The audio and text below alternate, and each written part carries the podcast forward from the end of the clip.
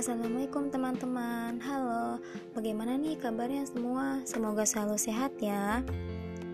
Kembali lagi bersama saya Feni Anggrada ini Di podcast terbaru saya Yang pada kali ini saya akan membahas suatu bahasan Yang tentunya tidak jauh berbeda dari bahasan podcast sebelumnya. Adapun bahasan pada kali ini pada hari ini adalah tentang sisi pendidikan yang bertemakan digital education. Nah, teman-teman tahu nggak sih bahwa semakin hari zaman itu semakin berkembang. Sudah sepatutnya kita menyadari dan mempersiapkan amunisi untuk menghadapi tuntutan zaman yang semakin dinamis.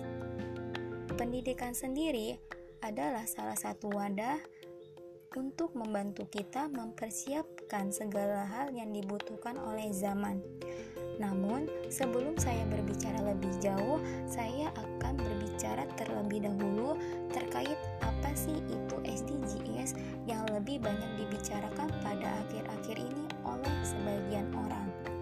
Sustainable Development Goals atau SDGs atau tujuan pembangunan berkelanjutan merupakan suatu rencana aksi global yang disepakati oleh para pemimpin dunia termasuk juga Indonesia. Gunanya apa? Gunanya adalah untuk mengakhiri kemiskinan, mengurangi kesenjangan, dan melindungi lingkungan. 17 tujuan dan 169 target yang diharapkan dapat dicapai pada tahun 2030 di masa yang akan datang. SDGs yang nomor 4 ini yang tujuan keempat ini berisi tentang pendidikan di mana pendidikan pada tahun 2030 atau pada masa yang akan datang harus bisa mendorong kita, mendorong pelajar menjadi pribadi yang lebih baik lagi melalui sebuah institusi pendidikan. Sehingga pendidikan harus bisa mengarahkan ke arah yang lebih baik lagi melalui sebuah pendidikan formal maupun pendidikan non formal.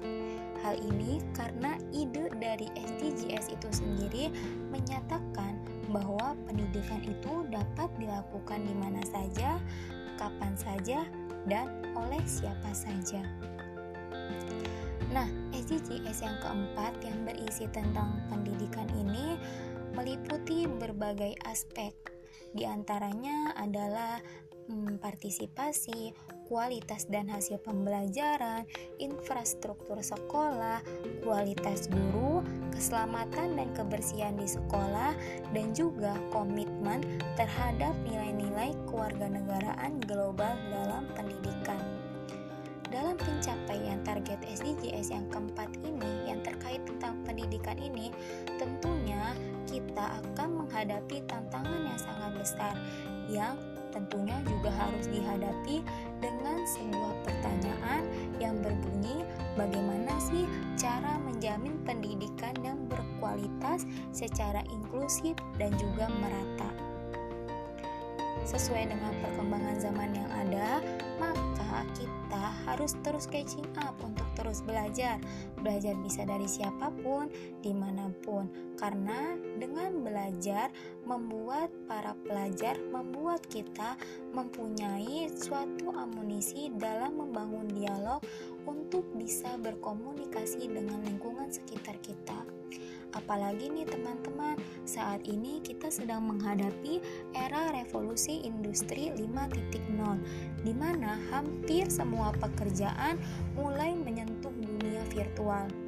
Nah, berkembangnya era ini sangat-sangat berdampak terhadap dunia pendidikan, sehingga pendidikan itu akan lebih ditekankan kepada pendidikan karakter dan juga moral keteladanan.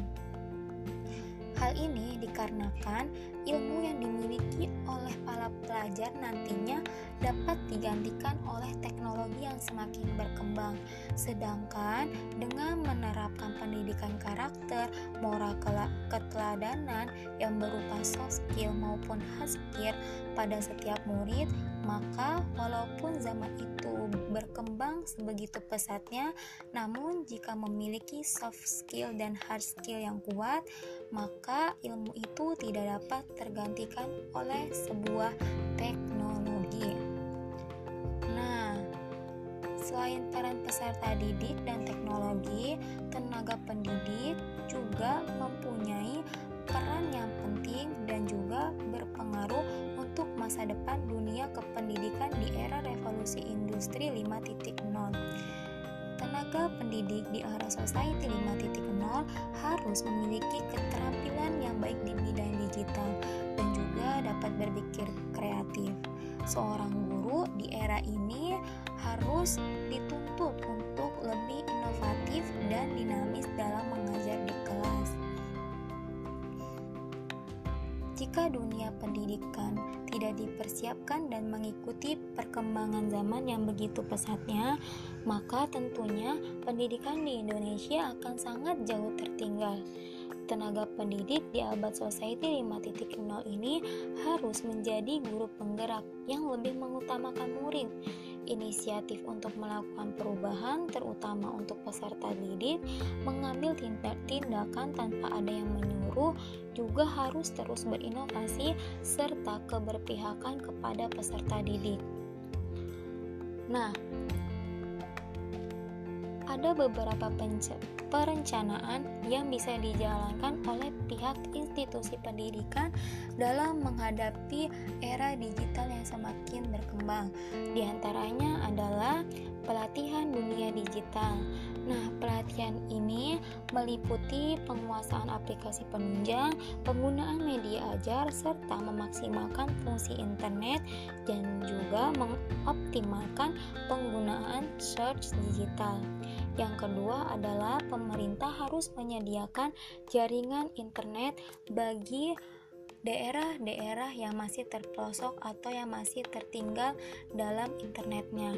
Kemudian uh, pihak pendidikan, institusi pendidikan harus melengkapi media ajar dengan sebuah alat belajar seperti PC, komputer ataupun infokus yang menunjang pembelajaran itu sendiri.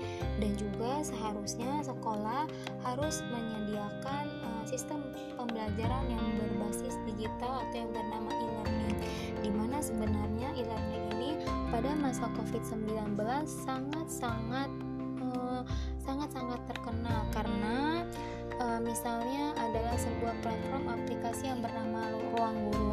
Nah, Ruang Guru itu adalah sistem pembelajaran e-learning di mana di dalamnya itu terdapat materi yang dikemas secara baik, secara bagus dengan sebuah animasi yang tentunya tidak akan membuat murid atau pelajar siapa pun yang mendengarkan atau yang memperhatikan uh, tidak akan bosan.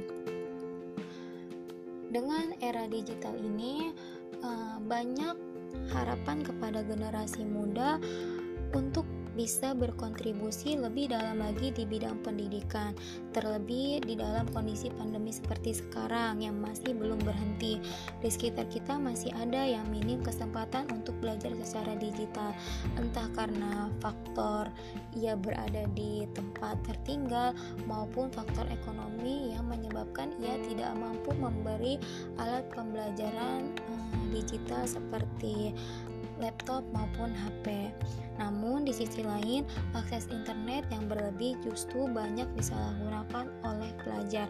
Maka dari itu, dengan adanya pelatihan dunia, pelatihan di dunia digital, maka para murid akan lebih banyak untuk uh, menimbang-nimbang mana salah, mana benar agar mereka tidak mengakses internet untuk hal yang tidak baik. Nah, teman-teman perlu tahu bahwa skill yang didapat saat lulus kuliah itu masih belum memuaskan, padahal 89% kesempatan untuk mendapatkan akses. Maka dari itu, sebisa mungkin akses internet dapat mendukung penyaluran bakat kita, seperti soft skill dan hard skill. Jika potensi generasi muda termaksimalkan dan dimaksimalkan, maka tujuan SDGs yang keempat yang berisi pendidikan ini akan lebih mudah tercapai, yakni uh, pendidikan yang menjadikan kita bertransformasi menuju pribadi yang lebih baik lagi. Cukup sekian, selamat mendengarkan. Semoga selalu suka. Kurang lebihnya mohon maaf. Wassalamualaikum warahmatullahi wabarakatuh.